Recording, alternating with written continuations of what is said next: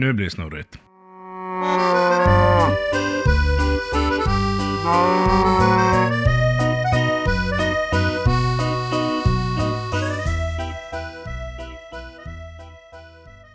Det här är Ostpodden och jag är Johan.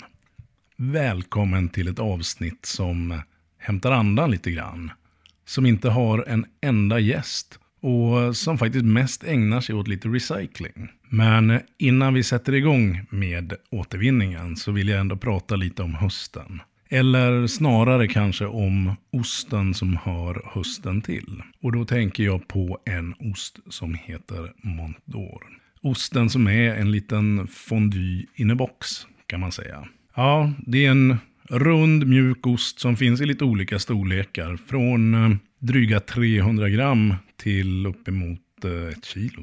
Och eh, det man kanske framförallt tar Montour på, det är väl inte att den ligger i en träask, för det finns det ju andra ostar som gör också. Nej, Montour är också inlindad i granbarkspån runt kanten liksom. Ja, vi kommer till fler detaljer för det finns så mycket att berätta om den här osten att det är lika bra vi ger oss rätt in i det. Så ska jag försöka göra mitt bästa för att sålla bland alla fakta-godbitar också.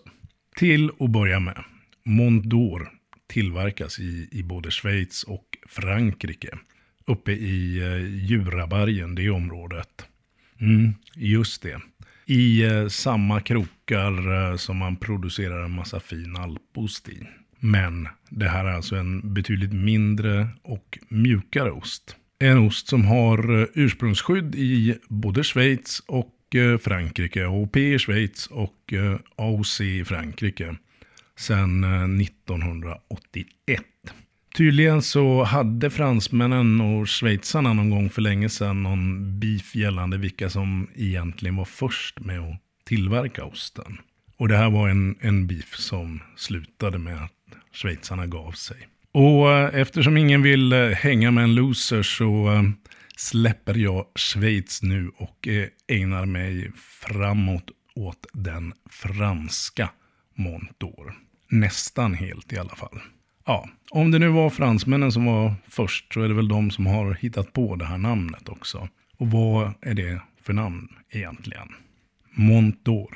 Den som är lite bevandrad i franska listar ju ganska snart ut att Eh, det betyder guldberget. Eller berget av guld. Och det är inte svårare än att eh, i det departement, det är väl som ett, ungefär en motsvarighet till län, eh, det departement där man tillverkar Montor.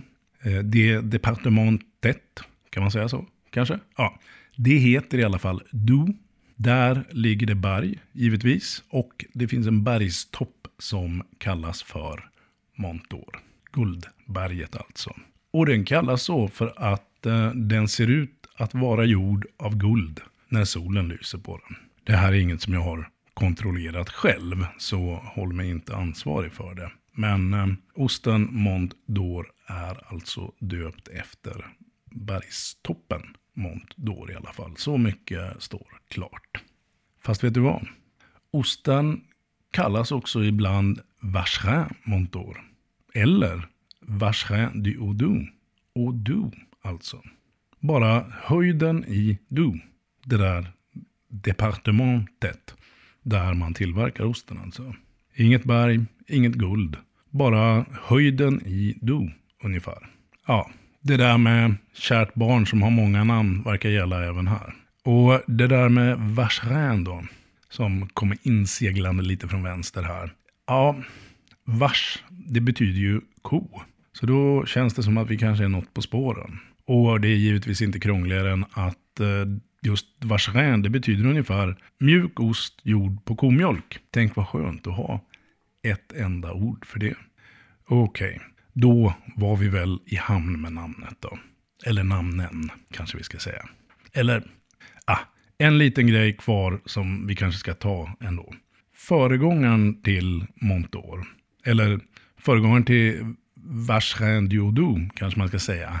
Ja, den hette Chevrotin Diodou. Så där föll det där med vars också. Men chevrotin. chèvre, get, eller hur?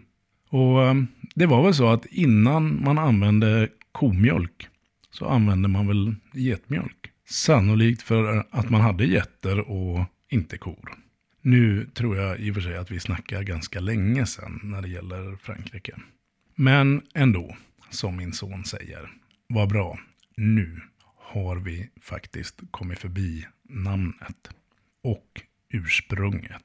Ska vi eh, raska över lite annat då? Innan vi kommer till det där med hur man faktiskt njuter den här osten som allra bäst. Eller hur jag tycker man ska njuta den som allra bäst i alla fall. Ja, jag sa ju att det här är en ost som har hösten till. Och så är det i alla fall eh, här i Sverige vill jag påstå. Osten brukar väl dyka upp eh, någon gång i oktober hos eh, osthandlare och eh, i välsorterade delidiskar. Och sen brukar den väl finnas tillgänglig ungefär fram till årsskiftet. Men eh, faktum är att eh, osten tillverkas i Frankrike mellan september och och april-maj ungefär. Och det här är av tradition. Och det finns givetvis en anledning till att det blivit tradition att göra så här. För det är nämligen som så att eh, någon gång i maj, juni så skickar man upp sina kor i bergen på grönbete. Och eh, där uppe är det stora bergsostar som gäller. Man ystar Comté till exempel och Abondance och eh, Gruyère också då om vi ska prata om den schweiziska sidan. Det finns för övrigt eh, faktiskt en fransk Gruyère också. Som inte har jättemycket med den schweiziska att göra. Men det där stammar ur en annan beef som man har haft någon gång. Och som väl fransmännen åtminstone lyckades få till oavgjort. Men det är en helt annan historia. Tillbaka till vår Montor nu. Och då är det så här att Eh, när korna har varit uppe och betat i bergen så börjar det bli dags att eh, knalla tillbaks ner i september någon gång. Och då är det också lite sämre ställt med mjölkproduktionen. Jag är inte expert på detta utan det här får vi reda ut med någon eh, kvalificerad gäst någon gång hur det funkar. Men det jag vet är att det inte är lika gott ställt med mjölkproduktionen. Så vad gör man då?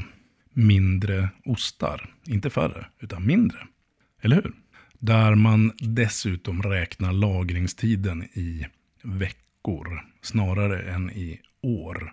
Som man ju gärna gör för Comté och Abondance och de här goda ostarna.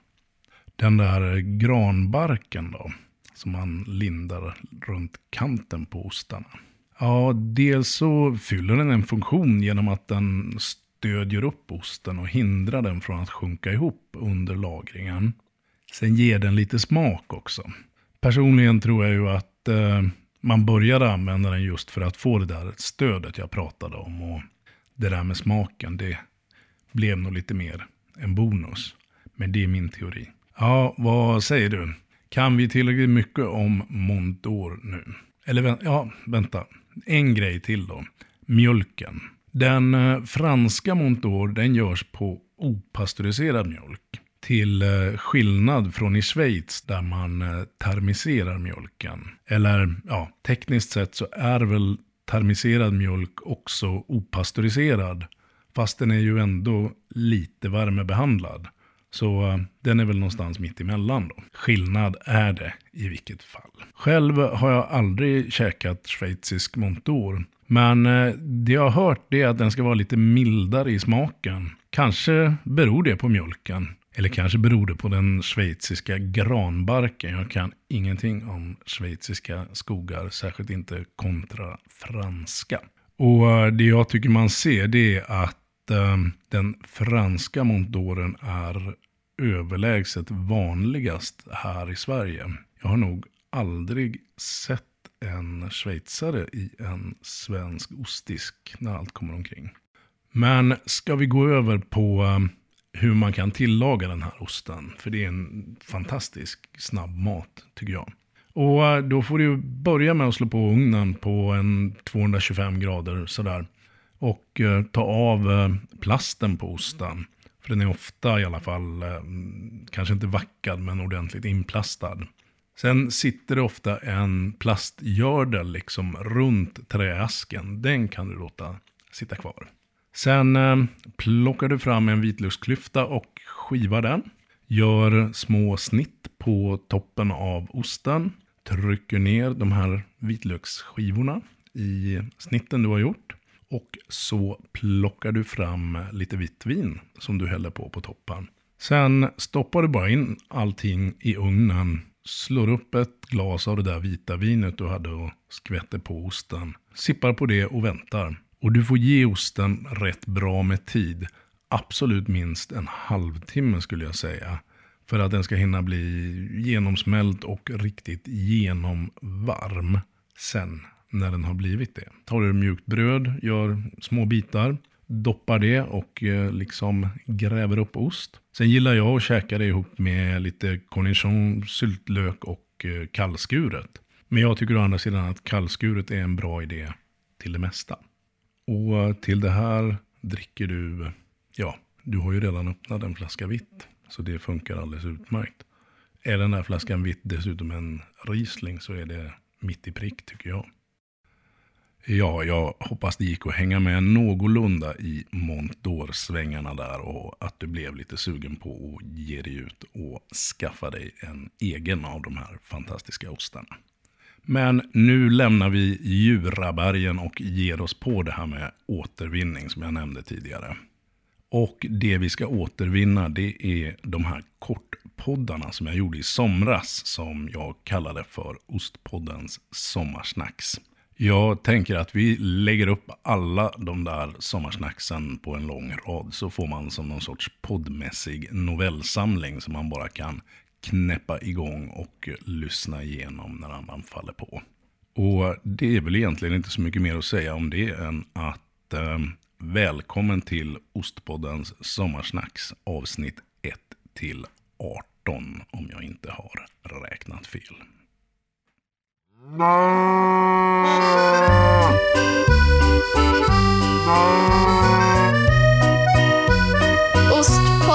Sommarsnacks.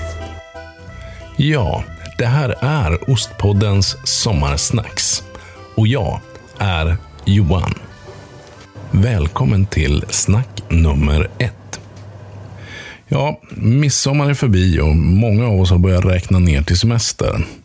Idag kan vi dessutom lyssna på premiäravsnittet av årets sommarprogram i P1. Ett av de riktigt säkra sommartecknen.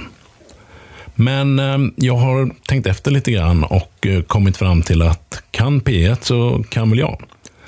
Därför kör jag, med start idag, uppenbarligen då, Ostpoddens sommarsnacks. Det blir eh, en munsbit om dagen om ett land, en ost, ett tillbehör, ett muggel.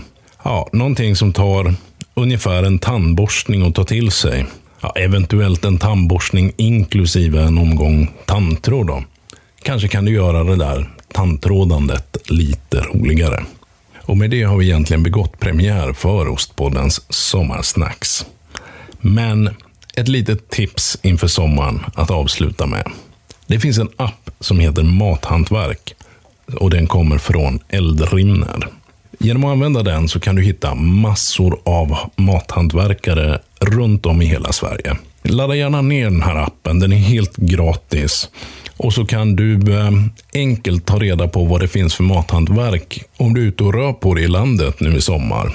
Eller förresten, ladda ner den där appen ändå och kolla in vad du har för mathantverk runt omkring dig. Kanske är det alldeles lagom för att hitta en liten dagsutflykt till någon som eh, syra grönsaker, baka bröd, gör god glass och eh, givetvis någon som kanske gör fantastisk ost. Jag lovar, du kommer garanterat att hitta något på ett lite lagom avstånd för en dagstripp eller en övernattning. Du har lyssnat på Ostpoddens Sommarsnacks. Ett nytt snack kommer imorgon. Kan du inte hålla dig tills dess, så håll ett öga på Instagram och Facebook också. Där händer det möjligtvis någonting redan tidigare.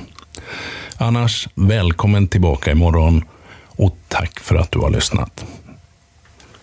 Ost på den upp.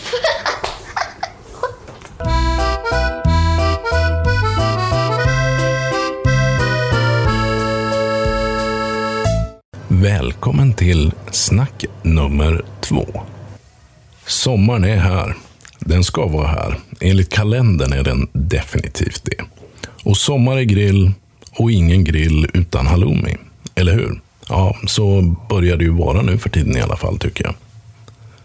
Och det här med halloumi, det har jag pratat om eh, flera gånger tidigare i Ostpodden. Inte minst när jag träffade Michael på Olympus Cheese i Brisbane. Och idag tänkte jag prata lite snabbt om det här med namnet halloumi och eh, allt vad det innebär och de turer som har varit kring det. Många vet väl idag att eh, en ost bara får heta halloumi om den tillverkats på Cypern. Det har fått många tillverkare att använda andra namn. Mer eller mindre kreativa, mer eller mindre snarlika halloumi. De som varit för nära, eller till och med kallat sin ost för halloumi, har fått påstötning från cypriotiskt håll. Där man menat att eh, halloumi-namnet tillhör Cypern och de cypriotiska tillverkarna. Resultatet av det här det är bland annat att organisationen Sveriges Gårdsmejerister, som vi ska prata om i ett annat sommarsnack, de har i alla fall tagit fram ett eget namn som de har fått skyddat. Det namnet är eldost och det får bara användas på ost som producerats hantverksmässigt av någon av medlemmarna i Sveriges gårdsmejerister. Och som jag har sagt tidigare så tycker jag du ska hålla utkik efter eldost. Testa den när du får möjlighet, för sannolikheten är stor att du inte kommer att vilja gå tillbaka till snabbköpshalloumin igen. Och hittar du inte eldost i din butik så eh, kolla in den där appen jag pratade om igår. Den som heter Mathantverk. Så hittar du en massa mathantverkare och säkert kan du hitta något ysteri, förhoppningsvis i närheten. Där de kanske har eldost. Och så kan du ta en tur dit och skaffa en bit. För att rimma också. Det är också så att på Sveriges Gårdsmejeristers webbplats finns alla medlemmar i organisationen. Så kolla in webbplatsen och du hittar garanterat en massa gårdsmejerier att besöka. Men hur var det egentligen med det där namnet då? Ja, innan jag fortsätter så måste jag bara säga att inte långt framför mig har jag en, med mina mått mätt, enorm spindel som rör sig lite väl mycket. Men jag ska tappert försöka ta det här snacket i mål. Nu är han på väg mot mig också. Eh, hur som helst, namnet. Jo, jag har grävt lite i det där och eh, dels har jag hittat att man från cypriotiskt håll sökt om att få halloumi ursprungsskyddat. Så som feta eller parmaskinka är. Men att man har misslyckats. Dessutom har man lyckats, eh, ska vi säga, klanta bort det varumärkesskydd man hade åtminstone i Storbritannien. Och sedan är det också så att eh, Cypern har varit hos någon av EUs domstolar. Det kanske bara finns en, jag vet inte. Men den här heter CJEU i alla fall. Och här har man dels klagat över en logotyp som innehåller en cowboyhatt och texten Cowboys Halloumi. Dels över ordmärket BBQLOMI, alltså Barbecue Loomi, blir väl det. Eh, där man då har velat att de här, eh, den här loggan och det här ordmärket skulle man inte få fortsätta använda. Där har man också förlorat. Så eh, turerna kring det här namnet de är, verkar vara både många och vindlande och långt ifrån i mål. Något som är klart är att halloumi inte är ursprungsskyddat i alla fall. Och att det inte är ett eh, varumärke som är skyddat överallt i världen åtminstone. Det är vad jag har kunnat läsa mig till. Michael på Olympus Cheese i Brisbane, vars business till stor del bestod av just halloumi. Ja, han kallade helt obekymrat den där osten för halloumi och hade definitivt ingen avsikt att sluta kalla den. Han kallade också sin ost av feta-typ för just feta. Med hänvisning till att han inte sålde den till EU och det är bara i EU som fetan har ett ursprungsskydd. Hur som helst. Oavsett vem som har rätt och fel. Frågan är ju om det här verkligen är den rätta fighten att ta. Själv skulle jag nog skippa den och lägga allt mitt krut på att göra en riktigt bra eldost. Välkommen till snack nummer tre. Igår pratade jag ju en del om eh, organisationen Sveriges Gårdsmejerister snart kommer det att komma ett långt poddavsnitt där det blir väldigt mycket snack om den organisationen. Men jag vet inte om du hört det och om du i så fall tänkt på det. Det där med att ibland pratar man om hantverksmejeri och ibland om gårdsmejeri. Ja, det har jag. Och idag tänkte jag att vi reder ut skillnaden. Så här enkelt är det nämligen. Ett gårdsmejeri tillverkar sina produkter på egenproducerad mjölk medan ett hantverksmejeri använder mjölk producerad hos närliggande leverantörer.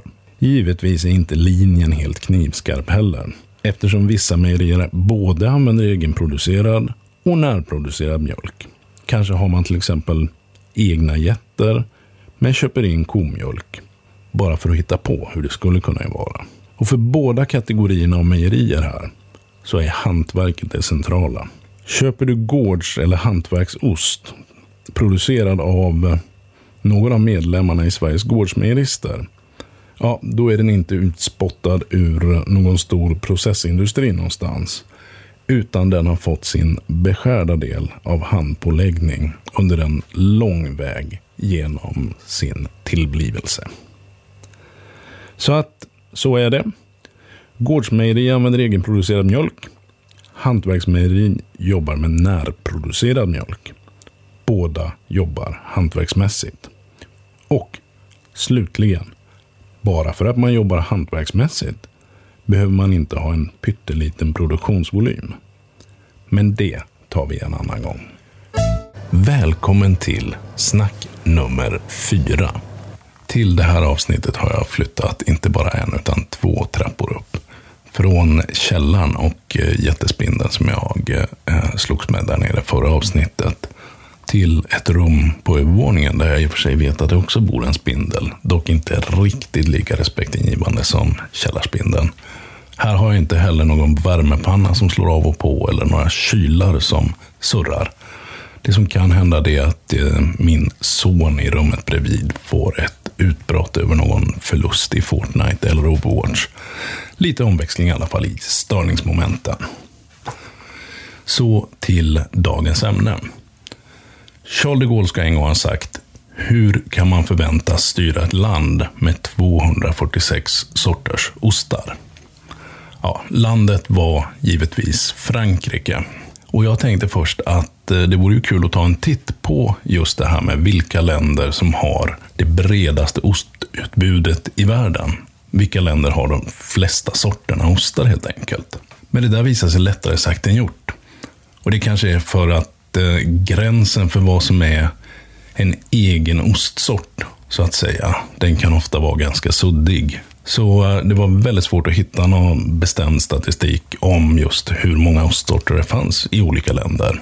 För till exempel Frankrike kan man ju hitta eh, förteckningar och regler för just A och C-ostar. Men det är ju ändå inte en, det kompletta utbudet av ostar såklart. Så jag skippar den idén. Men statistik ska det bli ändå i det här avsnittet.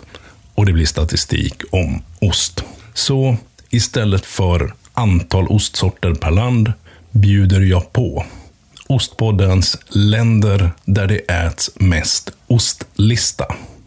Och här toppar Danmark. Där den genomsnittliga dansken stoppar i sig strax över 28 kilo ost på ett år. Det låter ganska otroligt, men eh, so be it. Så är väl också danskarna ett av de lyckligaste folken här i världen. Det kanske förklarar saken. Efter Danmark då seglar Island faktiskt in. Där eh, man smäller i sig ungefär 27 kilo ost per islänning och år. Tredje platsen sen och brons går till Finland.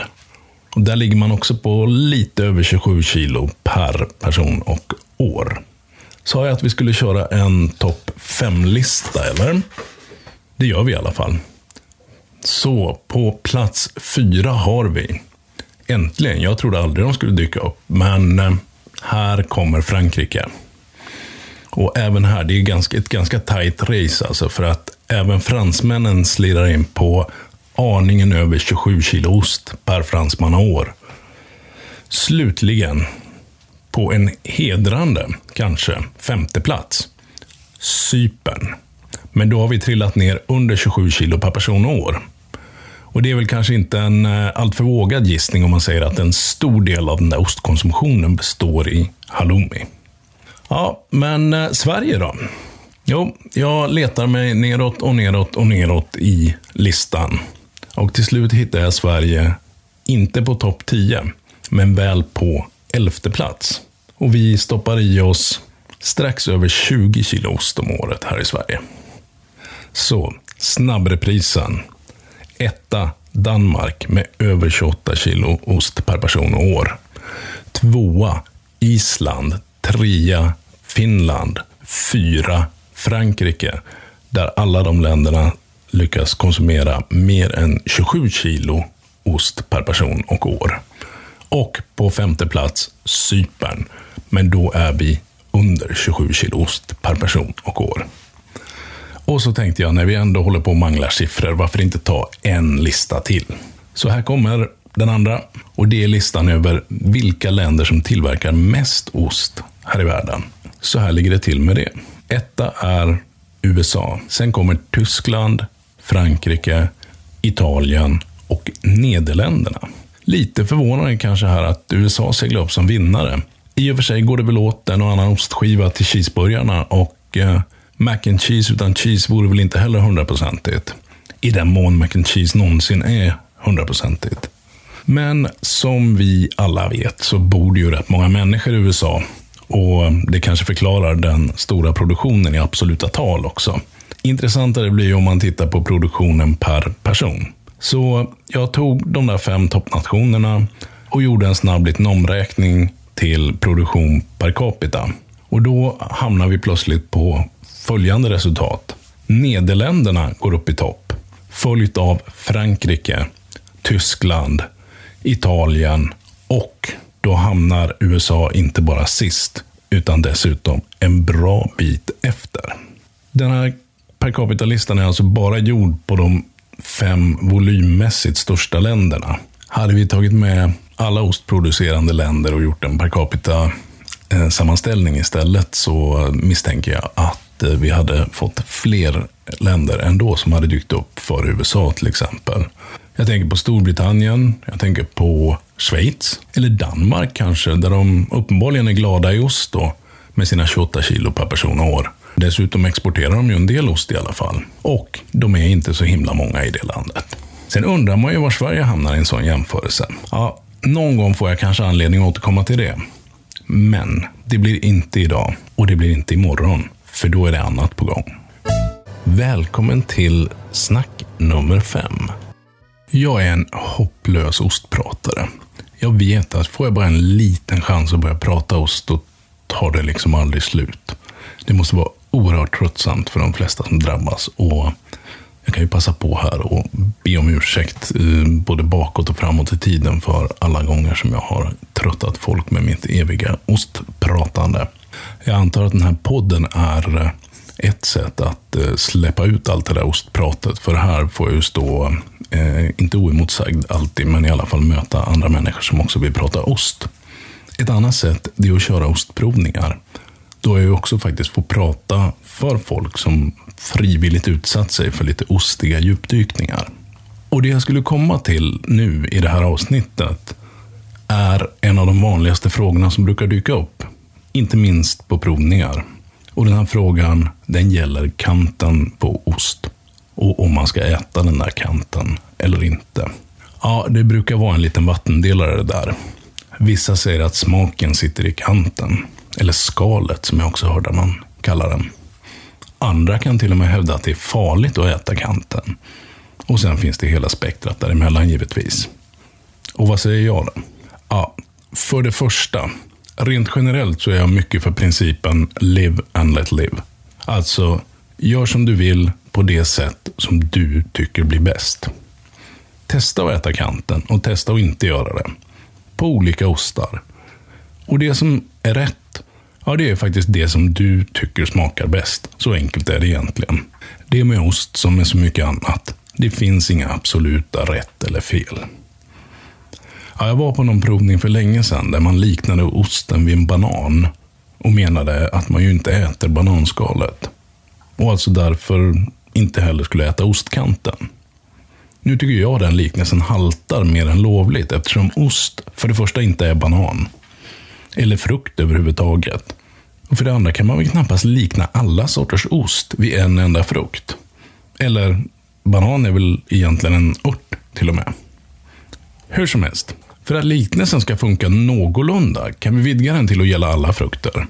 För då landar vi i sånt som äpplen, plommon och körsbär, som väl inte särskilt många av oss skalar.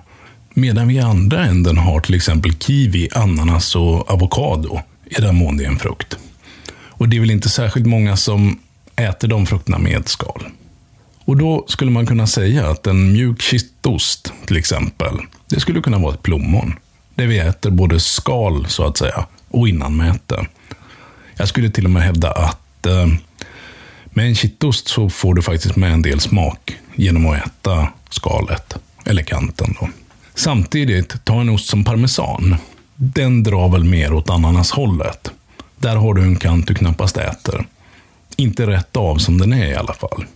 Däremot ska man absolut inte kasta bort den. Det kommer tips på vad man kan göra med den, snarare än du anar. Men okej, okay. du är med på min poäng här i alla fall. För det första, våga testa att äta kanten. Om den inte är uppenbart stenhård såklart.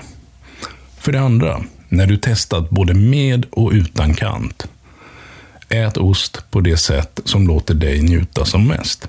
Själv, ja, så äter jag alltid så mycket som möjligt av all ost. Och tycker alltså det är synd och skam att skära bort fullt ätbara kanter. Men det är ju jag. Live and let live som sagt. Njut din ost på ditt sätt. Välkommen till snack nummer 6. Igår blev det en ganska lång utläggning om ostkanter. Och jag flaggade för att jag skulle tipsa om vad man kan göra med sina stenhårda parmesankanter.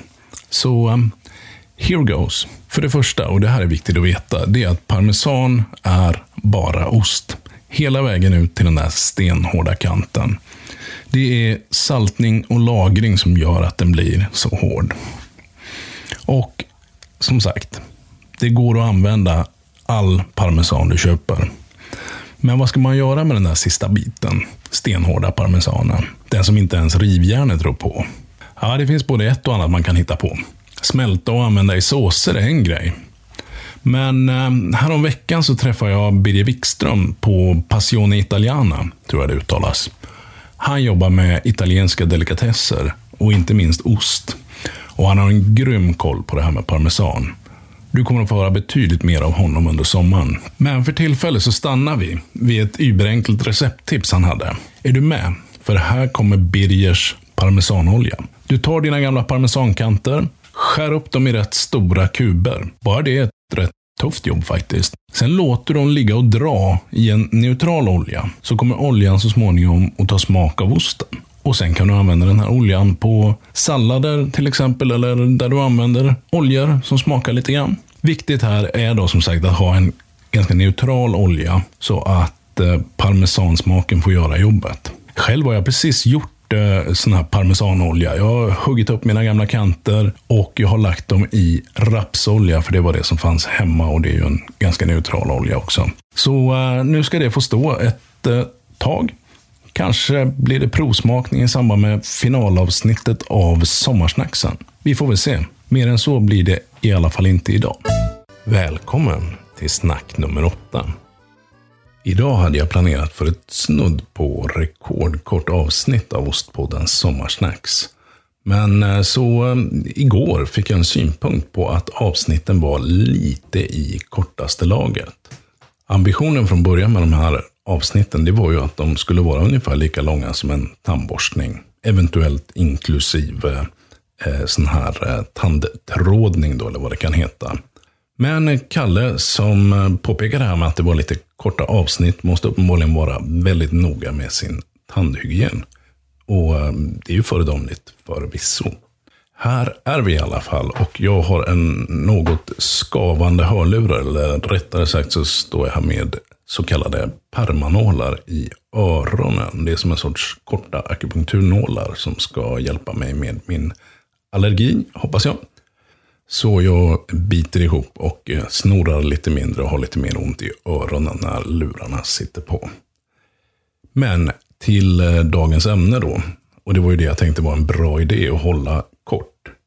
För det är ju ändå lördag. Sverige spelar kvartsfinal i fotbolls-VM. Och dessutom visade det sig så blev det en alldeles utomordentligt vacker kväll. I alla fall här i Göteborg. Ja, för kväll är det faktiskt. Det här avsnittet har alltså halkat lite efter att bli släppt direkt efter dagens Sommar i P1. Så eh, blir det när man måste bege sig till återvinningscentralen och eh, vad det nu har varit mer. Och man har planerat sitt liv lite illa kanske. Vad som däremot följer planen, det är att prata om det här som eh, många av oss gör. Att vi avnjuter ost eh, på någon form av ostbricka. Det gör inte minst jag själv. Ofta efter en middag kanske. På den där brickan så finns det givetvis en bra blandning av ostar. Eller förhoppningsvis är det en bra blandning av ostar. Vill du ha tips på en bra sån här ostbricka så lyssna på Ostpodden nummer tre. Där vi besöker ostbutiken Osthyveln och får fina tips från Vanessa som driver den. Utöver ostarna på den här brickan så finns det nästan alltid också tillbehör. De kommer vi att gå igenom ett efter ett under sommaren tänker jag. Och eh, vi börjar med brödet. Eller ja, ost och kex säger man ju nästan som ett begrepp när man pratar om att man ska äta ost. Och eh, Jag pratade med någon om det häromdagen och vi började fundera lite över det där med kex och var det kommer ifrån egentligen. För det är väl inte så att fransmännen direkt äter kex till sin ost. Och jag tror inte man gör det i till exempel Italien heller. Eh, generellt är det väl mera mjukt bröd man äter. Något eh, baguetteaktigt eller så. Men icke desto mindre så äts det ju kex i en alldeles väldig omfattning till ostbrickor. Åtminstone runt om i Sverige.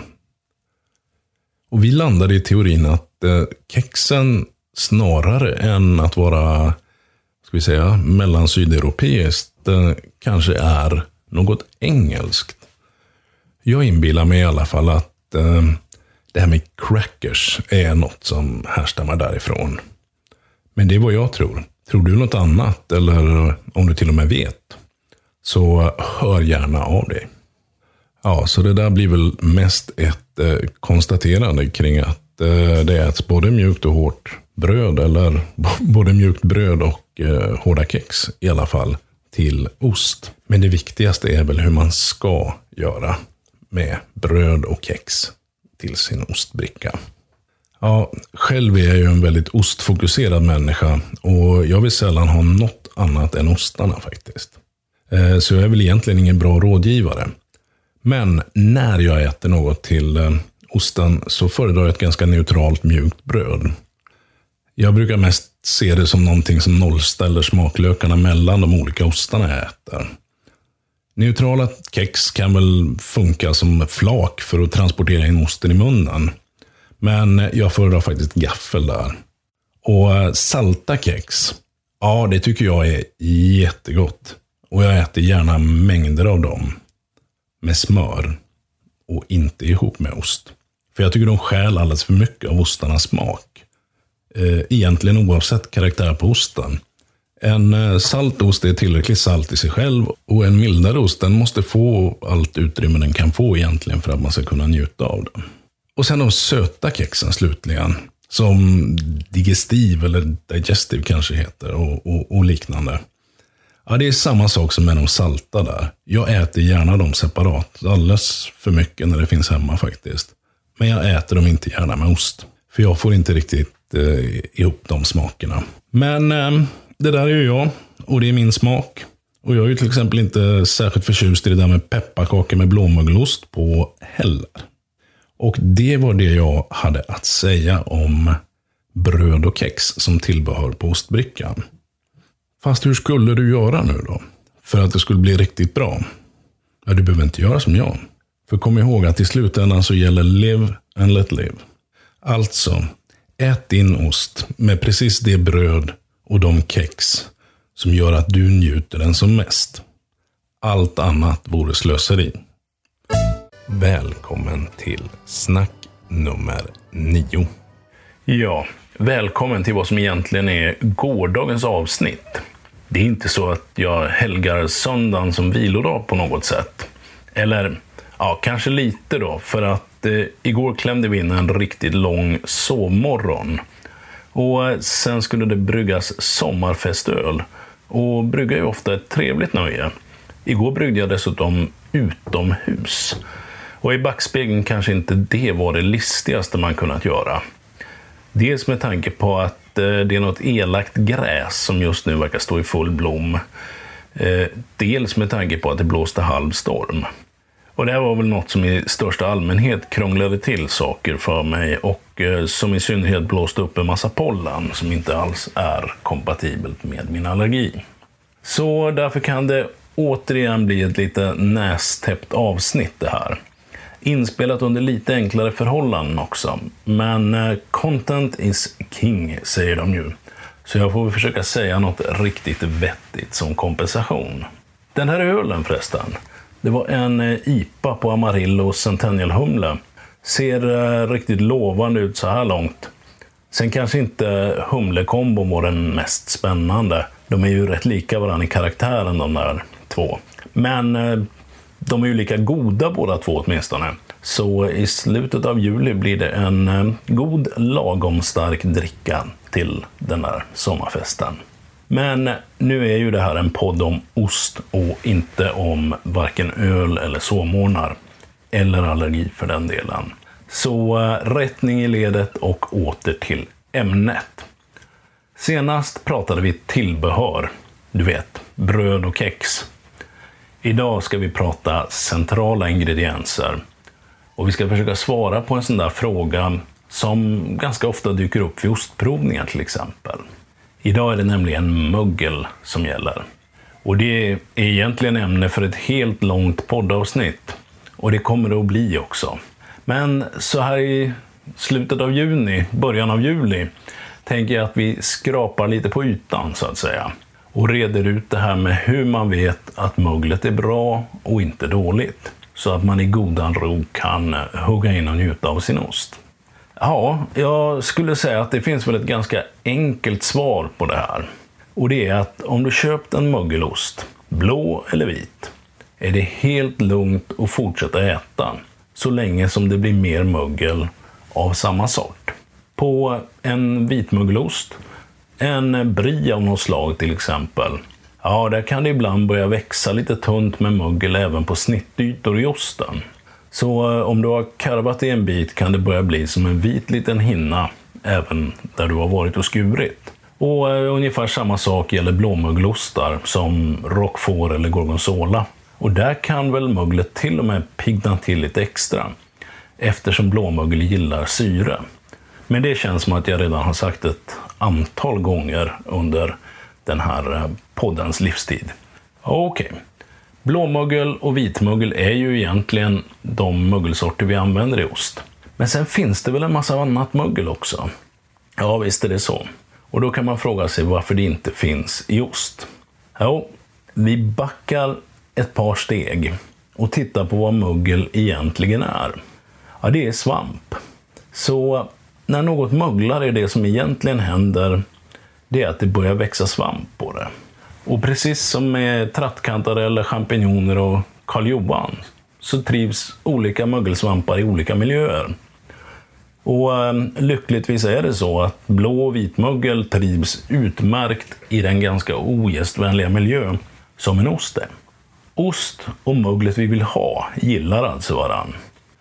Och när de här svamparna väl fått fäste i osten, ja då blir det också ganska svårt för andra mögel att eh, ta plats. Sen är det också så att ysterier, stora som små, gör givetvis allt de kan för att just de där rätta möglen ska få optimala förutsättningar att få fäste och utvecklas precis som, som man vill. Vitmögel vill ha det lite varmare under mognadsfasen och eh, blåmögel trivs i en lite svalare miljö. Ja, och under ystningen så tillsätter man givetvis också det mögel man vill ha i sin ost. Ja, möjligen kan man också tillsätta det strax eh, efter. Ofta så är det flytande eller frystorkat mögel man tillsätter, men det finns lite andra varianter också. Det sparar vi på just nu i alla fall. Ha, säger du. Det vitmöglet vill ha lite varmare och blåmöglet lite svalare. Men min kyl den håller ju 4 grader. Ja, knappast, men eh, 6 grader kanske. Och det är ju lägre än mognadstemperatur för ostarna. Ja, det stämmer. Men det tar inte död på möglet. Möglet blir bara lite sävligare och växer lite långsammare. Men kan det då inte komma något annat än bra mögel på mina mögelostar? Jo då, det är klart att det kan. Om eh, du gör såna här saker som att du låter dem ligga och skava mot någon möglig frukt eller sådär. Ja, tycker du att du har fått mögel som inte känns som att det borde vara på osten? Eh, mögel som kanske ser lite konstigt ut. Det kan vara lite ludet och otäckt. Då ska du nog fundera en extra gång. Och om det dessutom luktar illa, på ett dåligt sätt, så eh, skippa den osten. Men bottom line är nog ändå att eh, mögelostar, det är väldigt säkert. Och man kan lita på det mögel som finns på dem helt enkelt. Men hur är det egentligen med hårdost som blivit möglig då? Ja, många har säkert hört tipset, men eh, vi tar det igen för säkerhets skull. En hårdost som blivit möglig går alldeles utmärkt att äta, så länge du skär bort möglet och eh, eh jag tror Livsmedelsverket tycker att man ska skära bort ungefär 2 cm runt om där möglet har varit också. Så släng inte osten, skär bort möglet och käka resten. Eller spara och gör podcast av den efter att du skurit bort möglet. Och hur man gör podcast, det kan du lyssna på i ett annat avsnitt av Ostpodden. Jag kommer faktiskt inte på vilket avsnitt det kan vara nu. Välkommen till snacket där vi fyller tvåsiffrigt. Snack nummer 10. Japp, nu har vi kommit till avsnitt 10 av Ostpoddens sommarsnacks och det måste vi såklart fira. Jag tänker att vi gör det på två sätt. Det första är att jag bjuder på lite gratis, eh, ska vi säga, ögongodis. Och det andra är att vi håller det rätt kort. Så att eh, jag hinner med det där firandet. Så, eh, sorry Kalle. Idag får du vara snabb med tandborstningen. Eller skippa tandtråden kanske. Det är ju som så, och det konstaterade jag igår också efter allt ölsnack, att eh, den här podden i grund och botten handlar om ost och allt som rör ost. Bara på de här korta sommarsnacksen har vi ju lyckats täcka in både produktionsvolymer, mikroskopiska svampar, utbildning och eh, definitionen på gårdsmejeri. Till exempel. Och mathantverk, det är ju något jag gärna återkommer till. Eh, det är ju på något sätt där allt har sina rötter. Eller sina något kultiverade rötter i alla fall.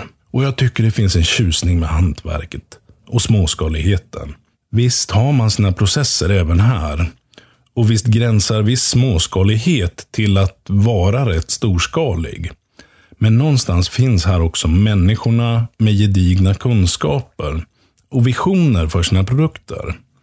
De som håller sin ost lite närmare hjärtat än de flesta processoperatörer skulle jag tippa. Och det är mathantverkarna vi pratar om såklart. Och nu närmar vi oss det där gratistipset. Kommer du ihåg Eldrimner? Vårt nationella resurscentrum för mathantverk. De som bland annat driver den där YH-utbildningen för mathantverkare. Som jag pratade om i ett tidigare sommarsnacks. Ja, inte nog med att de håller utbildningar. De bjussar på en riktigt fin tidning också. Ja, bjussar, som är gratis. Här kan du läsa om mycket mer mathantverk än bara mejeri. Som till exempel bageri och chark, fiskförädling och frukt och bärförädling tror jag. Så signa upp dig för den tidningen. Den heter just Mathantverk. Gå in på eldrimner.com så väljer du om eldrimner. Och där någonstans mitt på sidan står det prenumerera på mathantverk. Och det är där du klickar och eh, beställer din prenumeration såklart. Det var mitt lilla tips. Ett tips som räcker länge. Och där är jag egentligen klar för del två av firandet. Som är själva firandet. Men innan jag tar mig dit så måste jag bara ge mig tillbaka till vad som verkar vara mitt favoritämne. Eller någon sorts hakning kanske snarare. Vi pratar givetvis om halloumi igen. Det är ju en ost som har varit rätt mycket på tapeten de senaste dagarna. Och eh, det har ju knappast varit till halloumins fördel det som har diskuterats. För det har visat sig att på Cypern är man oerhört pigga på att ge sina djur antibiotika. Piggast i hela världen i princip, om jag har förstått det hela rätt. Och jag ska inte ge mig på något djupdyk i det här ämnet idag. Jag måste nog läsa på lite till för att kunna göra det. Så vi gör det här jätte, jätteenkelt istället. Och konstaterar att ju mer antibiotika vi använder, desto mer spär vi på antibiotikaresistensen. Vilket ord!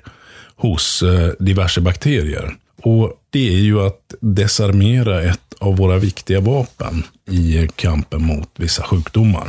Sen finns det djurhållningsaspekter och annat på det här också. Men som sagt, jag eh, gör inget djupdyk utan stoppar där och ger ett tips till. Det är inte gratis och det är inte nytt, men det är bra. Leta rätt på eldost istället för halloumi så får du en hantverksmässigt producerad ost från någon av medlemmarna i Sveriges gårdsmejerister. Eldosten kanske kostar lite mera, men den smakar mycket bättre. För både mun och samvete. Tro mig.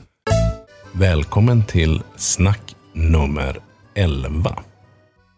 Igår var det 10 avsnittsfest här för Ostpodden Sommarsnacks. Och eh, ikväll så firar vi match om bronset, tycker jag. För det är väl värt en fest. Eh, det är också kvällens semifinal i fotbolls-VM som gör att inspelningsförhållandena idag är lite enklare och att klippningen av det här avsnittet kanske har blivit något lidande. Men eh, nog om det, för nu firar vi. Och vad kan passa bättre än en ostbricka när det ska firas? Ja, det kanske inte är oväntat att det är jag som skulle säga det. Men eh, någon måste ju säga sanningen. Och det finns ju mycket att säga om vad man kan ha på sin ostbricka. Och hur man njuter den som bäst. Jag tänker framförallt på ostarna då. Sån är ju jag. Men eh, sen har vi ju varit inne och nosat lite grann på tillbehör. Nu eh, senast bröd och kex, har jag för mig. Fast leva icke av bröd allenast, tror jag det står i Bibeln någonstans. Ett av de få bibelord jag lärde mig och det var i gymnasiet någon gång. Jag tror vi använde det som eh, ursäkt för att eh, kunna dricka en och annan öl också. Men eh, leva icke av bröd allenast och icke av ost allenast heller. För vi ska väl ha något att dricka till också, precis som vi tyckte i gymnasiet. Frågan är bara vad. Och vin, det är väl det reflexmässiga svaret de flesta av oss har på den här frågan. Och för många av oss så är det nog rödvin som är det man tänker på i första hand. Själv skulle jag säga att det optimala svaret, det är en dryck till varje ost. Vin av något slag, kanske öl, kanske någonting annat. Vi ska återkomma till de här varianterna längre fram i Ostpoddens sommarsnacks. Men idag så ska vi lägga fokus på vad man kan hitta på om man inte känner för att hålla på och matcha varje ost till en egen dryck. Idag pratar vi om ostbrickans universaldryck. Det där man kan välja när man vill vara säker på att det bär såväl riviga blåmögel och getostar som lena fina triple crème och allt däremellan. En sorts eh, ostbrickans Swiss Army Knife, fast med bara ett blad, som ändå löser alla problem. Ah, det där var väl ingen vidare liknelse, men eh, du fattar säkert hur jag menar. Och nu är det väl ändå dags att komma till saken. För ostbrickans Jack of all trades, där har vi uttrycket. Det är en bra låt med Bruce Springsteen också. Ostbrickans Jack of all trades i alla fall, det är en Pinot Gris. Ja, det är i alla fall mitt go-to-vin, eller min go-to-druva. Och det har det varit i åtminstone 15 år. Och eh, det jag brukar plocka fram det är Bestheims Pinot Gris Premium Reserve. Som jag tycker är ett väldigt prisvärt vin. Det ligger på strax under hundralappen. Tillverkat i Alsace på Pinot Gris-druvor givetvis. Då. Och grejen med det här det är att det är ett friskt vin. Men det har ändå lite restsötma kvar. Och det sammantaget gör att det här vinet hanterar hela smakpaletten på en ostbricka. Det matchar allting bra och det skär sig definitivt inte någonstans. Ett bra alternativ till Pinot Gris kan också vara att kika på något Rieslingvin. Och I och med det så är du rustad för att kunna fylla glasen oavsett vad du lägger på ostbrickan. Så småningom kommer vi också, som sagt, att kika närmare på vad, mer specifikt, som passar till vilka ostar. Tills dess, eh, sitt säkert i båten med en Pinot Gris. Så vänta. Wait for it. Den kanske åker iväg. Okej. Nej. Känn pressen.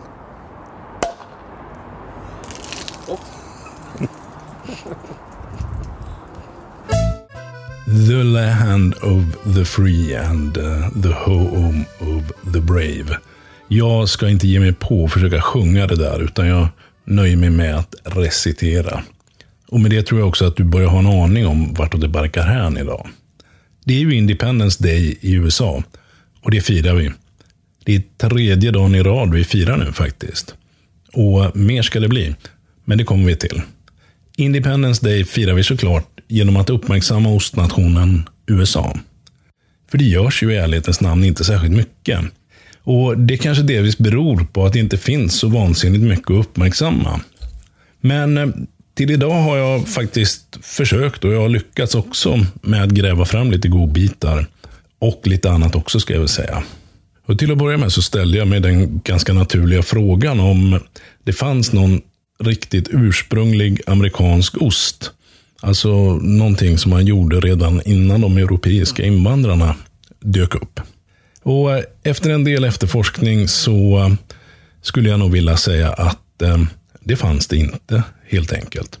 Ost verkar ha kommit med eh, invandringen från Europa. Och precis eh, på samma sätt som invandrarna gjorde med en del städer i USA, så verkar man ha gjort lite likadant med ostar. De har gjort en over there-kopia helt enkelt. Och så har man kallat den eh, samma sak som i Europa.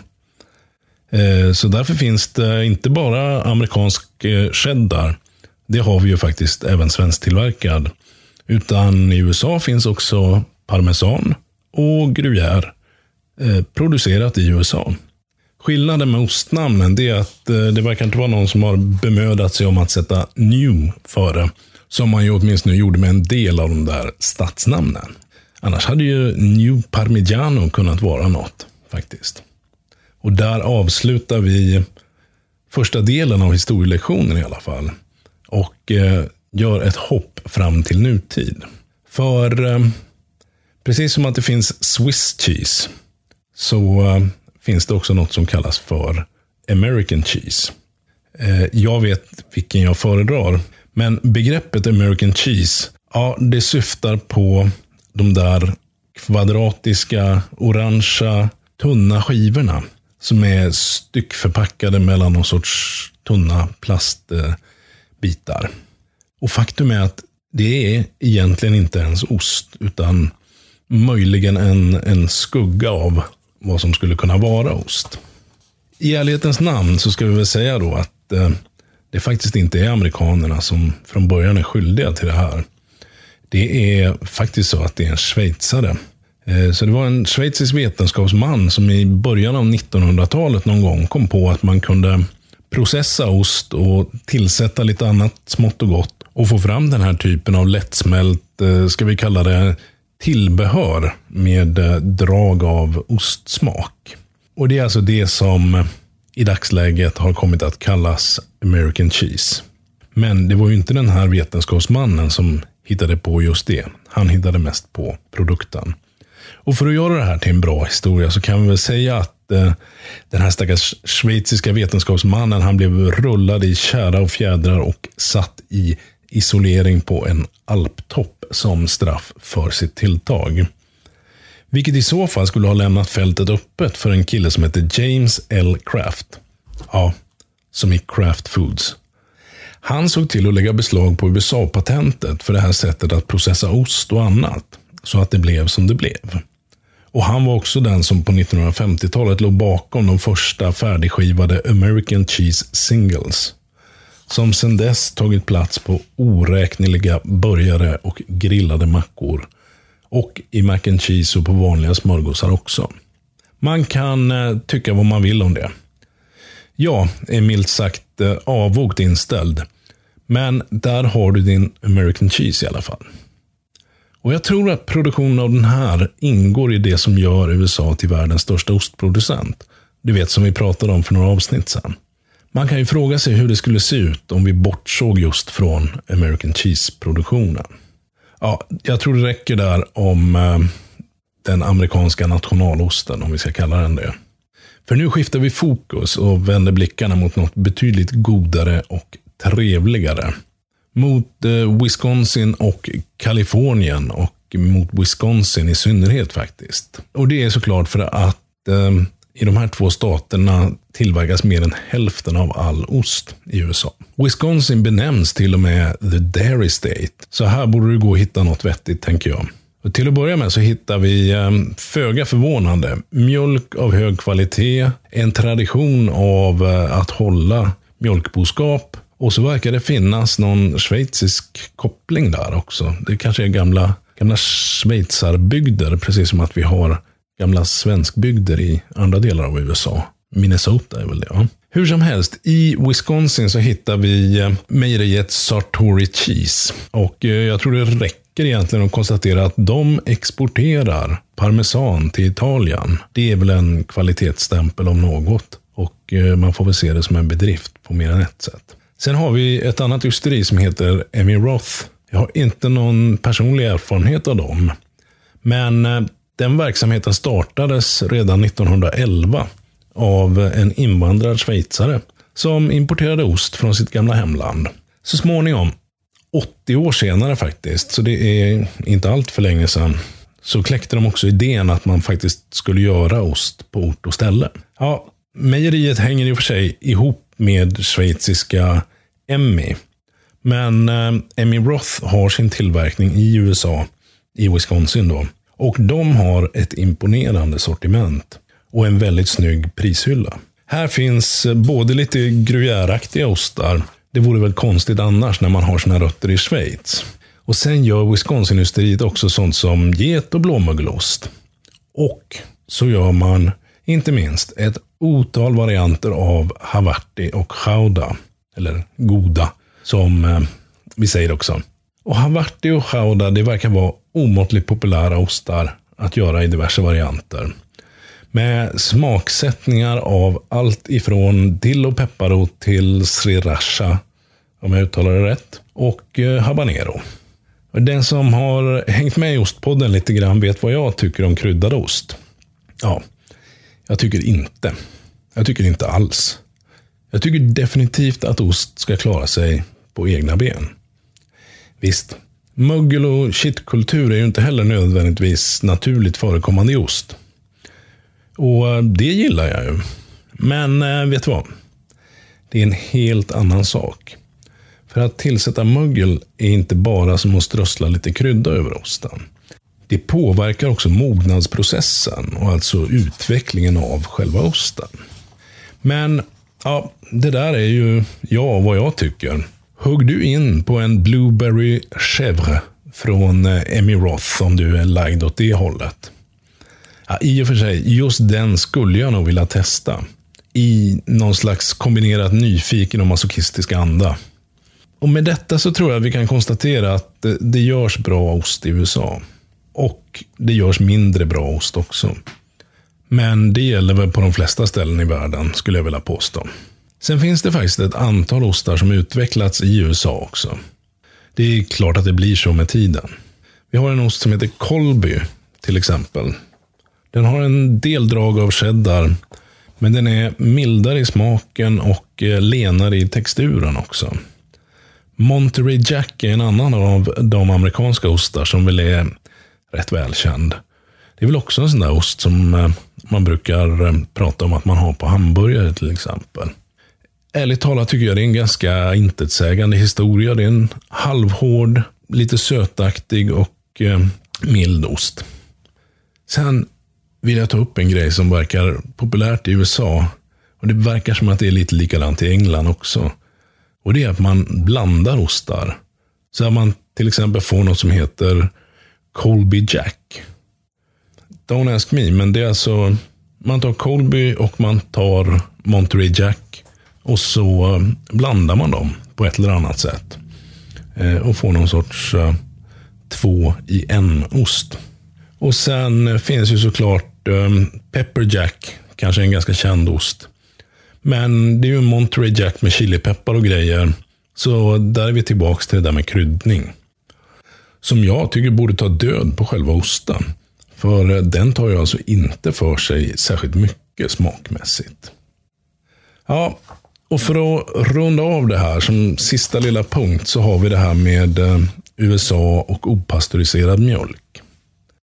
Tidigare har jag hört att ostar gjorda på opastöriserad mjölk är totala no-nos i USA.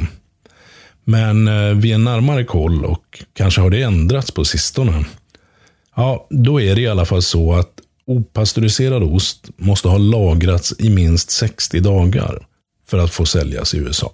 Då tycker nämligen FDA att eventuella farligheter i osten ska vara borta. Och Det här det ställer såklart till den när det gäller flera av de mjuka ostarna som eh, kanske ska lagras runt 4 6 veckor bara. Camembert som ofta bara lagras en 4-5 veckor är ju bara ett exempel. Ja, det här blev ett eh, snabbt litet svep över ett stort land. Och eh, lite tillspetsat kanske man kan eh, avrunda med att säga att i the home of the brave är man helt okej okay med att käka en processad ursäkt för ost. Men något som är gjort på opastöriserad mjölk? Nej, det vågar man sig inte riktigt på. Det här är Ostpoddens sommarsnack. Jag är Sofie, välkommen till snack nummer 13. Ja, vi tackar så mycket för den gästpåan. Det var väl på tiden att det blir någon form av gäst här i sommarsnacksen också. Och eh, välkommen till ett sommarsnacks som möjligen kan kännas lite sloppy. Helt enkelt för att det mer eller mindre är producerat i en tagning. Lite som en eftersänd direktsändning. Ja, som lite övning inför morgondagen då det är skarpt läge. Men mer om det i slutet av det här avsnittet. Här i eh, Götet har det hunnit bli semester. Jag har eh, slängt i mig en grappa och eh, läppjar på en öl som heter Var är vargen? Bryggd på Styrian Wolf och, och, och, och Willamette. Funkar alldeles utmärkt. Och det jag tänker för dagen det är att Ehm, nu har vi faktiskt avverkat eh, ett dussin sommarsnacks. Så nu tycker jag det är dags att svara på två frågor.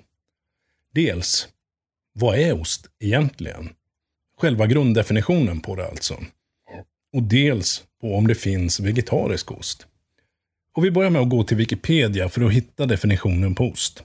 Eller en av definitionerna i alla fall. Men eh, jag känner igen huvuddragen från annat håll än Wikipedia, så jag känner mig någorlunda trygg i detta. För vad vi får lära oss det är att eh, ost det är en mejeriprodukt som tillverkas av mjölk eller någon annan mejeriprodukt. Genom att protein och fettinnehållet fås att stelna. Och sen fortsätter det med löpe och så vidare och så vidare och så vidare. Nyckelbegreppet här, det blir, för mig i alla fall, tillverkas av mjölk. Sen har jag lite dålig koll på det här med vegetariskt, på alla varianter av det och på veganskt och, och vad det nu mer finns för uh, olika dieter och uh, så vidare. Men det verkar i alla fall som att många definierar vegetariskt som att man inte äter kött. Eller döda djur, som uh, någon sa. Nej, fan. Men det, verkar, men det verkar som att många definierar vegetariskt som att man inte äter kött. I alla fall inte kött från djur som mest håller till ovanför vattenytan. Mjölkprodukter däremot, det verkar många vara okej okay med. Så ost borde ju inte vara några problem för de som följer den principen. Eller hur? Mm, ja, du kanske kommer ihåg det där med löpe, som jag pratade om eh, i tidigare avsnitt av Ostpodden. Det är ju en minst sagt eh, central ingrediens i osttillverkning eftersom det är själva löpet som får mjölken att stelna. Och eh, det är ju ett avgörande steg för att mjölken ska bli ost.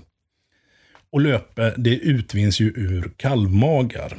Och där, boom, så skiter det sig för vegetarianen. Men, not to worry. Idag används ganska ofta något som kallas vegetabiliskt löpe. Särskilt i eh, industriellt producerad ost, om jag förstått det hela rätt. Och vegetabiliskt löpe, det är en mikrobiell kemikalie som är framställd i eh, laboratorier. Och du ska aldrig kunna hitta vegetabiliskt löpe i innehållsförteckningen på ost. Eftersom löpe per definition måste vara animalisk. Blir det krångligt det där? Ja, helt enkelt så kan man inte skriva vegetabiliskt löpe i en innehållsförteckning. För löpe är animaliskt och eh, det kan ju då per definition inte bli vegetabiliskt. Vilken lapsus det där blev. Men så är det när man eh, direktsänder. Istället så brukar man då skriva ystenzym i innehållsförteckningen på ostar som innehåller det jag i alla fall kallar vegetabiliskt löpe här. Och det finns flera anledningar till att eh, vegetabiliskt löpe faktiskt ökat i popularitet. En anledning är såklart att mejerierna når en större marknad när även vegetarianer, vissa av dem i alla fall, kan köpa osten. Sen är ju ystenzymet som sagt laboratorieframställt och det garanterar ju en jämn kvalitet och ett mer förutsägbart resultat av ystningarna. Och en grej till som är värd att nämna, det är kanske också att tillgången på löpe kan variera en del. Och för en industri som spottar ur sig tonvis med ost varje dag, är det givetvis en osäkerhetsfaktor som blir rätt jobbig att leva med. Jaha, men eh, det där är ju ändå bara ett halfway house, så att säga.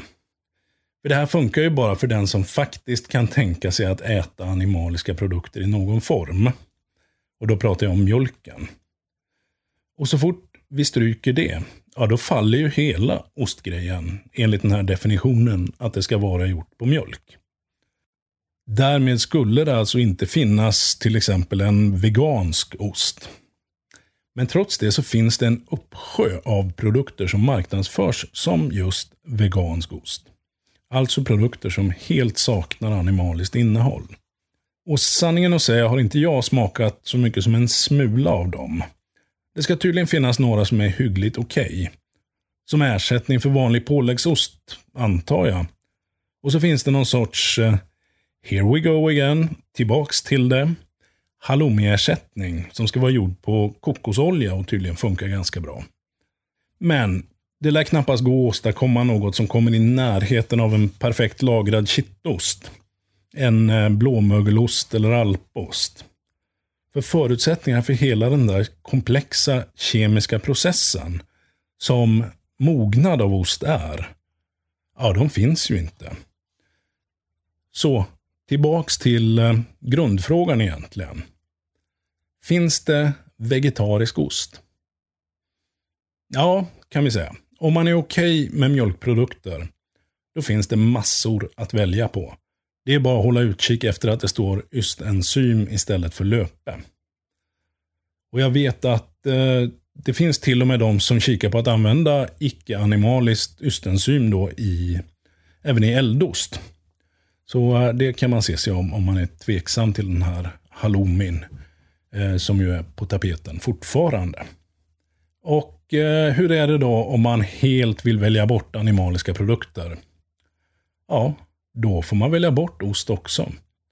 För ost utan mjölk, det är som korv med bröd utan korv. Det är inte ost. Och ehm, det var dagens lilla snack. Imorgon så får du kolla in Ostpoddens Facebook-sida för sommarsnackset. För då kör jag sannolikt live med eh, lite olika roliga grejer som kommer att hända. Välkommen till Sommarsnacks nummer 14. Ett eh, lite extra uppsluppet snacks kanske. Men eh, som kanske inte följer utgivningsplanen exakt. Men det är en hel massa som är lite extra bra just nu. Jag har eh, min första riktiga semesterdag. Alltså, sista jobbdagen var ju fredags, men det blir ju först idag, måndag, eh, som man känner semestern på riktigt. Ja, vädret är ljuvligt och fotbollslandslaget är i stan. Det har vi varit nere och firat på Götaplatsen idag. Sa jag fira? Ja, Det är klart, det finns alltid en anledning. Det hade vi faktiskt i helgen också. Anledning alltså. Då rörde jag mig nämligen någonstans i det perfekta gränslandet mellan att vara gäst och personal. Eh, det var en disponentvillan i Göta som körde årets första trädgårdsspelning. Det var bar och det var grillbuffé och det var spelningar med både Barbados, som ju knappast behöver någon närmare presentation, och Posörerna, som är ett hyllningsband till Ulf Lundell.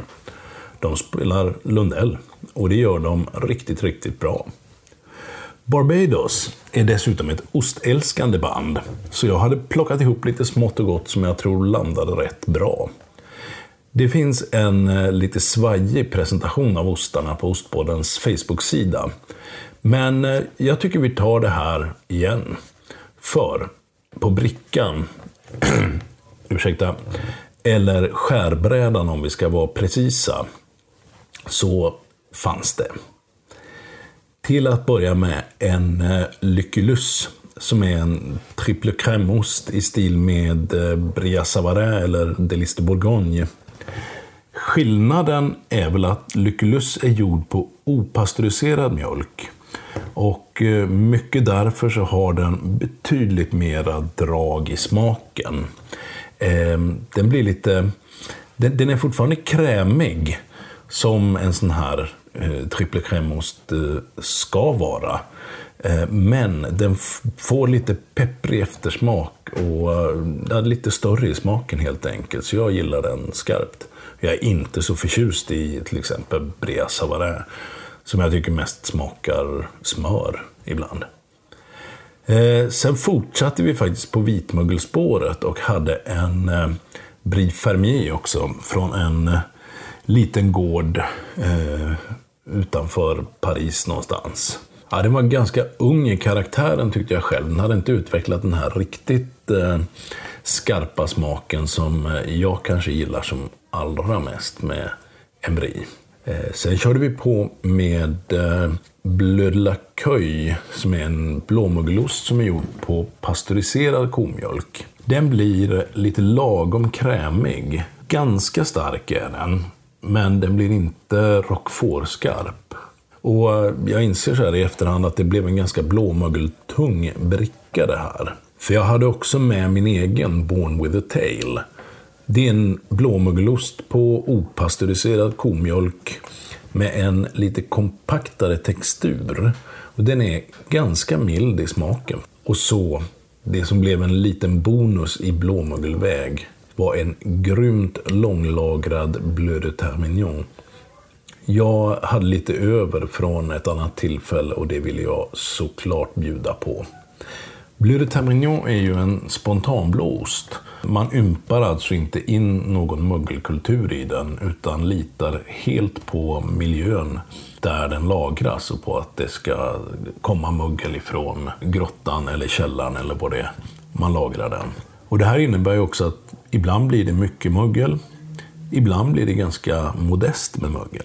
Och själv kan jag tycka att en ung Bleu de Termignon ibland smakar nästan lite unket. Jag är inte särskilt förtjust i dem. Men med lite ordentlig lagring, då får den en väldigt speciell smak. Jag har svårt att beskriva den, men när man väl blivit biten så är den nästan lite beroendeframkallande.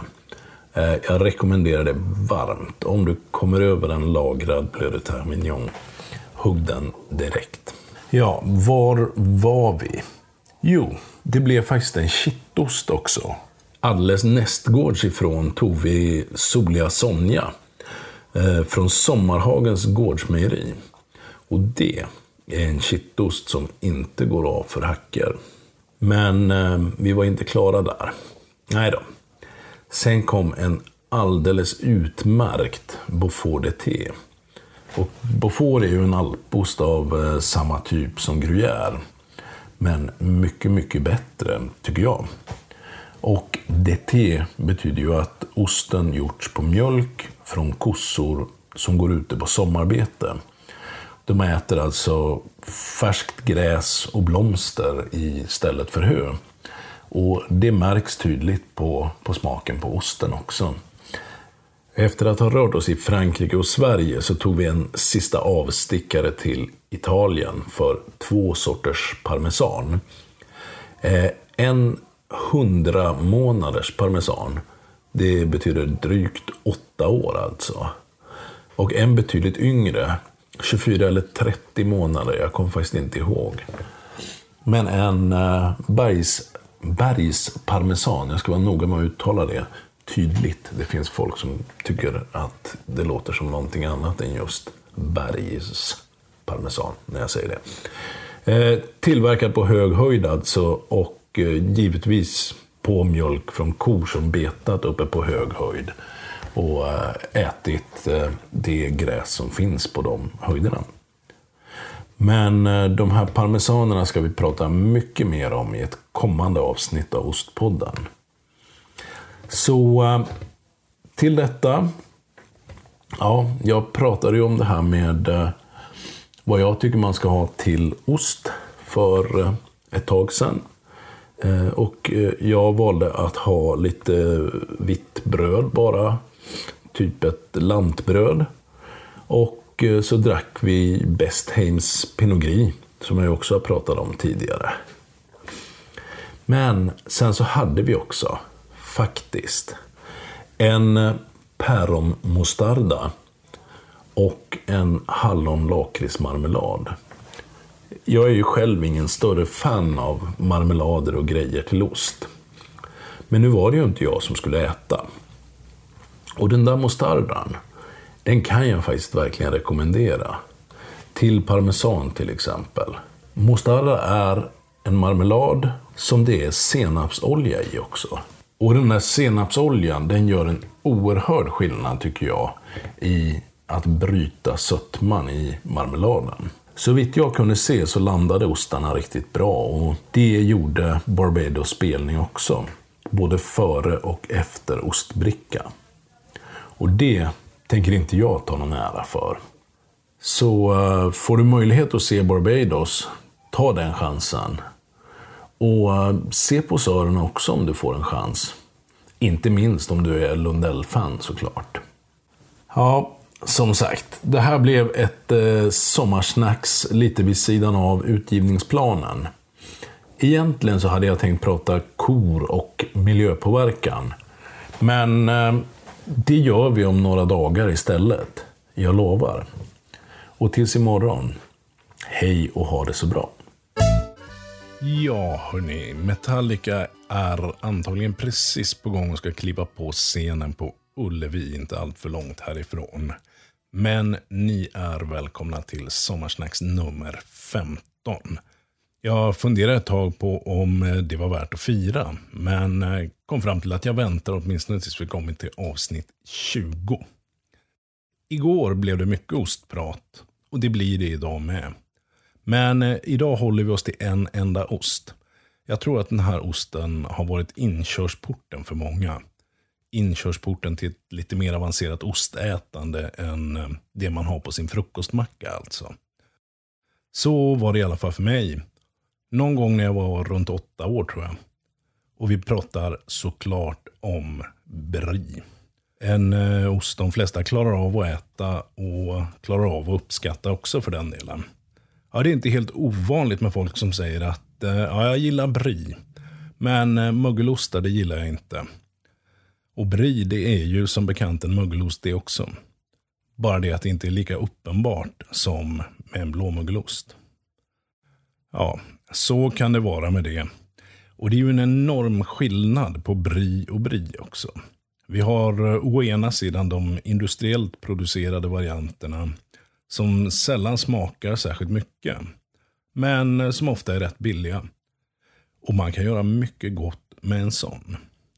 Och sen i andra änden av spektrat så har vi brie som tar för sig något alldeles enormt.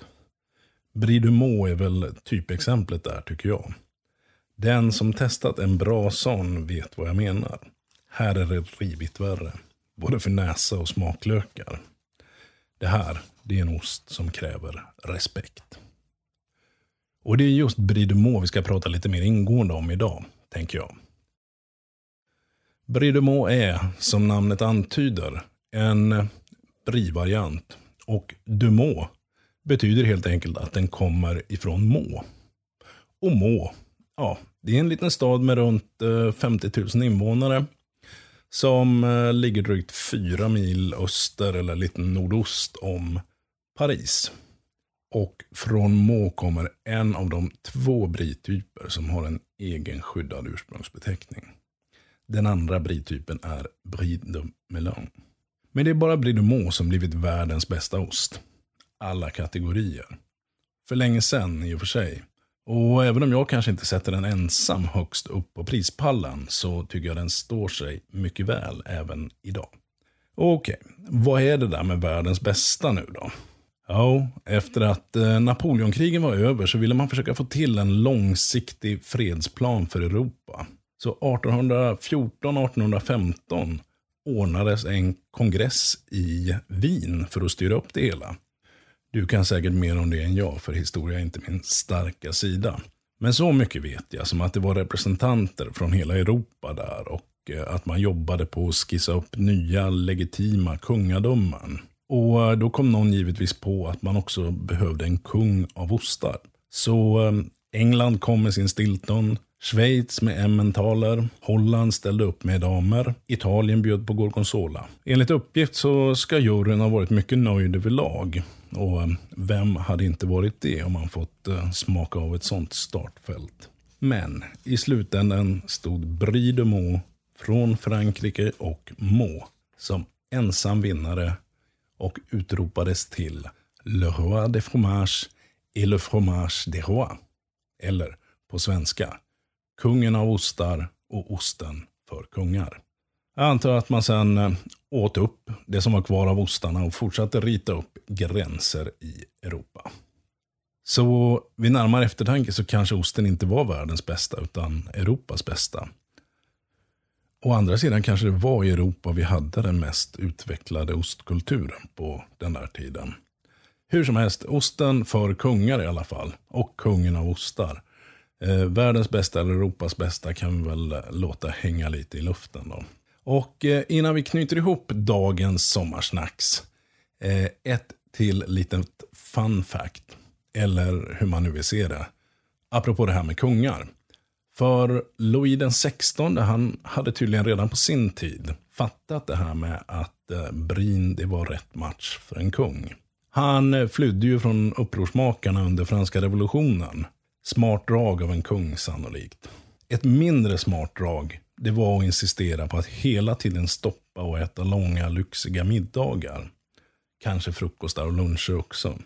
För det hela slutade, såklart, med att kungen blev upphunnen när han satt och smaskade i sig just en brie. Och uh, som du kanske vet blev det sen giljotinen för honom. Get your priorities right, som man säger. Förresten, ytterligare ett litet uh, fun fact som inte slutar i giljotin i alla fall. Må är känt för ytterligare en sak, eller var känt i alla fall. Och det var senap. Moutarde du Må. Vi har idag hunnit fram till snacks nummer 16 ett snacks du givetvis är mycket välkommen till. Ja, det har varit mycket ostar de senaste dagarna och egentligen tänkte jag att jag skulle knötta in något annat i det här avsnittet. Men eh, så tänkte jag att igår pratade vi om Brie de Meaux, kungen av ost, osten för kungar. Och så nämnde jag Metallica, som var på Ullevi-besök igår. Och det var också prinsessan Estelle, med Victoria och Daniel i släptåg. Säkert en och annan säkerhetsvakt också. Hon är ju inte jättegammal, prinsessan. Men att hon redan nu diggar metal ger ju ändå ett visst hopp om vårt framtida kungahus. Prinsessbesöket har tydligen upprört på sina håll också. Estelle är ju tydligen inte 13 år fyllda. Och det var det som var åldersgränsen på grund av ljudnivån på arenan. Och då finns det föräldrar som fått vända i dörren med sina underåriga barn. Och de har alltså lackat på att Estelle blev insläppt. Själv kan jag väl känna att eh, låt henne få något roligt. Eftersom hon missar så mycket annat som andra barn kan vara med om. Och det här, det var en riktigt lång omväg för att komma till dagens ämne. Som handlar om vad en sån som Estelle skulle käka för ost. Jag är alltså ute efter om vi i Sverige kan tänkas ha en ost för kungligheter. Lite som en svensk Brie alltså. Ja, det finns säkert diverse svenska osthovleverantörer som inte jag känner till. Och eh, till exempel både Svedjans ost och Oviken har ju levererat till Nobelmiddagen som ju är ganska kungligt. Men det är inga av dem jag tänker på. Västerbotten, kanske någon säger då. Fel, fel, fel, fel, säger jag för att citera Brasse i Fem myror är fler än fyra elefanter. Om någon kommer ihåg det. Det jag tänker på är Svesia. Av flera skäl. Men vi börjar med det främsta och det uppenbara. Det är att Svesia är den enda svenska ost som är ursprungsskyddad. På samma sätt som den grekiska fetan, som bayonneskinka alltså och som den franska osten reblochon till exempel. Och enligt ursprungsskyddet för Svecia så ska osten tillverkas i Sverige på pasteuriserad mjölk från de låglänta delarna av Sverige. Och det finns givetvis en hel drös krav till som ska uppfyllas. Som till exempel att eh, en ost ska väga mellan 12 och 15 kilo. Den ska vara 35 cm i diameter och eh, någonstans mellan 11 och 15 cm hög. Svesian ska göras med kalvlöpe. Alltså inte det där vegetabiliska eller kemiska vi pratade om häromdagen. Ja, och sen finns det regler för temperaturer, för omrörning, för lagringstid och så vidare. Och den kortaste tillåtna lagringstiden det är förresten sex månader för en Svecia. Och sen är svecia en ost som är alldeles väldigt lämpad för att långlagra. För med tiden så händer det massor med riktigt goda grejer. Eh, jaha, hoppsan, där hamnar vi rätt in på regelverk och så. Ska vi kanske kika lite på historik istället? För Svesian fick sin SGB, skyddade geografiska beteckning, så sent som 1998. Men eh, det hade såklart funnits Svesia långt innan dess. Och här eh, får jag återigen anledning att flagga för att osthistorien definitivt inte är entydig. För någonstans har jag å ena sidan sett att Svesia ska vara en av Sveriges äldsta ostar. Och på annat håll, det som verkar mest vedertaget, läser jag att osten ska ha fötts exakt 1896. Exakt i Nyköping. Och att den därifrån ska ha spritt sig. Den ska ha funnits i diverse varianter såklart. Eh, ett tag så var den faktiskt landets mest sålda ost. Och till slut 1930 så fick den namnet Svesia. De senaste drygt 20 åren så är den alltså dessutom ursprungsskyddad. Är det värt det då? Ja, jag menar, är Svesia något att ha? Jämfört med allt annat gott som finns i ostdiskarna. Ja, och ja, skulle jag nog säga. Svesia är en grynpipig ost. Den har alltså små hål. Till skillnad från de rundpipiga ostarna som har jugestit. Stora hål. Och jag tycker det är en toppenost som pålägg. En relativt ung Svesia. Den är mjuk och smidig, syrlig utan att vara direkt stark. Svesia platsar också definitivt på en ostbricka. Fast där skulle jag se till att få dit en betydligt mer lagrad historia. Den försvarar väl sin plats mot de utländska hårdostklassikerna. Ja, hur känns det? Ut och skaffa en Svesia, va? Eller två. En till frukostmackan och en till ostbrickan. Och just ja, Svesia heter såklart Svesia för att det är det latinska, tror jag, ordet för Sverige. Och innan vi slutar, eftersom vi ändå pratar svensk ost, så ska vi prata lite eldost igen. För nu har det blivit ännu lättare att hålla sig uppdaterad på vad som händer och på var man kan hitta den här eldosten. Den där osten alltså som är en svensk variant av halloumi. För nu finns en Facebook-sida som heter Eldost, kort och gott. Kolla in den så får du se lite grann vad som är på gång i eldostvärlden.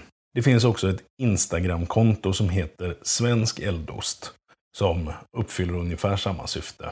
Vi får se bilder från diverse olika ysterier och så vidare som håller på med den här osten. Och sist, men absolut inte minst, vill jag ge ett stort grattis, shoutout till min ystarassistens och eh, allmänna stöttepelare i mina ystningsäventyr. Stort grattis på 50-årsdagen, Benny. Välkommen till snacks nummer 17, om jag har räknat rätt. Ett eh, snacks som blir mer improviserat än någonsin eftersom jag har varit ute och eh, ränt på vägarna nu på förmiddagen för att köpa mig en riktig gammal hedlig smörkärna som jag tänkte börja testa och göra just smör i idag, såklart. Men det ska vi inte prata så mycket mer om idag. Istället så ska vi prata om tillbehör igen. Tillbehör som man kan ha på sin ostbricka alltså. För nu har vi ju pratat både ostbrickor och ostar i några snacks. Vi har till och med berört eh, det här med tillbehören för bara några dagar sedan. Men jag tänkte försöka bli lite mer ingående på den punkten i alla fall. Det vi ska prata om är alltså marmelad. Och marmelad till ostarna man har på ostbrickan. Den som har hängt med i några tidigare avsnitt, både av Sommarsnacksen och eh, Fullängdsostpodden, kommer möjligen ihåg att jag inte är någon, någon stor fan av marmelad eller egentligen tillbehör alls på ostbrickan. Då ser jag hellre till att räka på mig lite fler ostar och eh, få i mig dem. Men eh, så vitt jag förstår så är vitsen med att ha marmelad på ostbrickan, eller om vi backar, man kan väl se det här på ostbricka på två sätt egentligen. Dels kan man se den som en sorts komponerad måltid och det är väl då man har eh, tillbehören med. När man har bröd och eh, marmelader och eh, jag vet inte mer vad man kan tänka sig med grönsaker eller sådär. Jag är inte jättebra på just det då. Eftersom jag mer ser min ostbricka som ett sätt att få äta ett antal goda ostar. Men för den som hellre vill avnjuta den här ostbrickan som en slags eh, eh komponerad måltid så är då marmelad och eh, andra grejer ett inslag som också har sin plats på ostbrickan. Nu hamnade vi förresten lite grann i eh, verkligen verkligheten här eftersom jag spelar in detta vid köksbordet och här i köket tillverkas det också lite lunch. Så eh, vi får ett, eh, inte bara ett improviserat ostpods-avsnitt utan vi får också ett eh, avsnitt verkligen inspelat i verkliga verkligheten. Jag hoppas det ska funka ändå. Och eh, så återvänder vi till det här med marmelader. Ja, jag kände att det blev lite väl mycket lunchlagning och verklighet där så jag har flyttat till ett eh, nytt angränsande rum där vi inte ska få så mycket stekta ägg i bakgrunden. Vitsen med att ha marmelad med på sin ostbricka är så vitt jag förstår att man får med en, eh, en komponent sötma för att matcha Eh, den kanske framförallt sälta som finns i många ostar, men också syra. Eh, så man liksom rundar av den eller kompletterar upp den. Och eh, fikon och kvittenmarmelad är väl klassiska exempel på vad man ofta har ätit till ost. Numera så finns det massor med andra varianter också. Som eh, till exempel den här hallon-lakrits-varianten som jag nämnde i samband med Barbados ostbricka här för ett par avsnitt sen. Eh, jag vet inte om den kanske hämtar inspiration från eh, hallonlakritsskallen som vi ju hittar bland plockgodiset i affären. Sedan vet jag också att det finns en kokos och nu har jag givetvis glömt vad det är för frukt till den. Eh, men eh, det får jag väl kolla upp till en annan gång. Eh, jag vet att vi pratade i alla fall om den när jag var och träffade Vanessa på Osthyveln för ett antal avsnitt sedan. Sedan har jag också testat någonting som är lite renare, tror jag, än marmelad. Eller i alla fall lite annorlunda. Och det är fruktpaté. Det ser faktiskt ut som en, en skiva paté, men är frukt. Och det är lika Eh, lika sött egentligen som marmelad. Kanske är det snarlikt marmelad egentligen. Men ett, eh, ett lite roligare sätt att servera det på i alla fall om man vill testa det. Eh, en annan variant är faktiskt att testa med lite honung. Där får man ju samma sötma, minst lika mycket sötma. Så att det kan vara värt att testa med den. Sen då min nya, vad ska vi säga, Eh, kärlek, eller det som i alla fall har fått mig att mjukna något i förhållande till eh, det här med marmelader och sötma på ostbrickan, Mostardan. Det är alltså en marmelad som också innehåller senapsolja. Vilket gör att man får en, en skön brytning redan i marmeladen. Och när man dessutom lägger till ost så blir, så blir det faktiskt riktigt bra. Det ska jag inte sticka under stol med.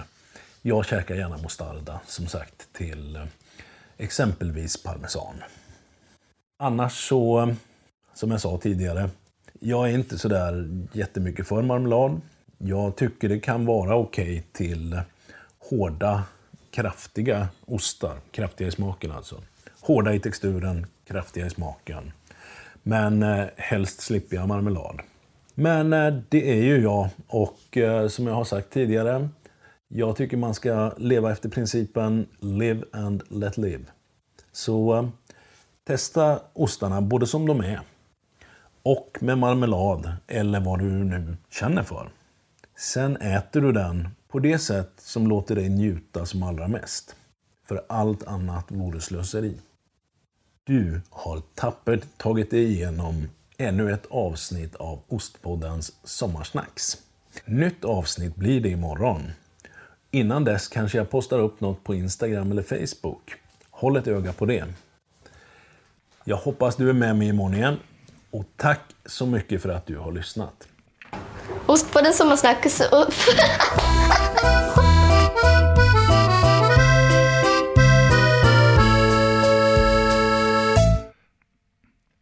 Something old, something new brukar det ju heta. Something borrowed hade jag ju säkert också med.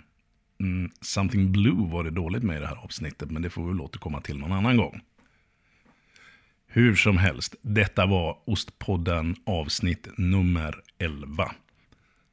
Om bara ett par dagar ger jag mig ut och träffar nästa Ostpodden-gäst.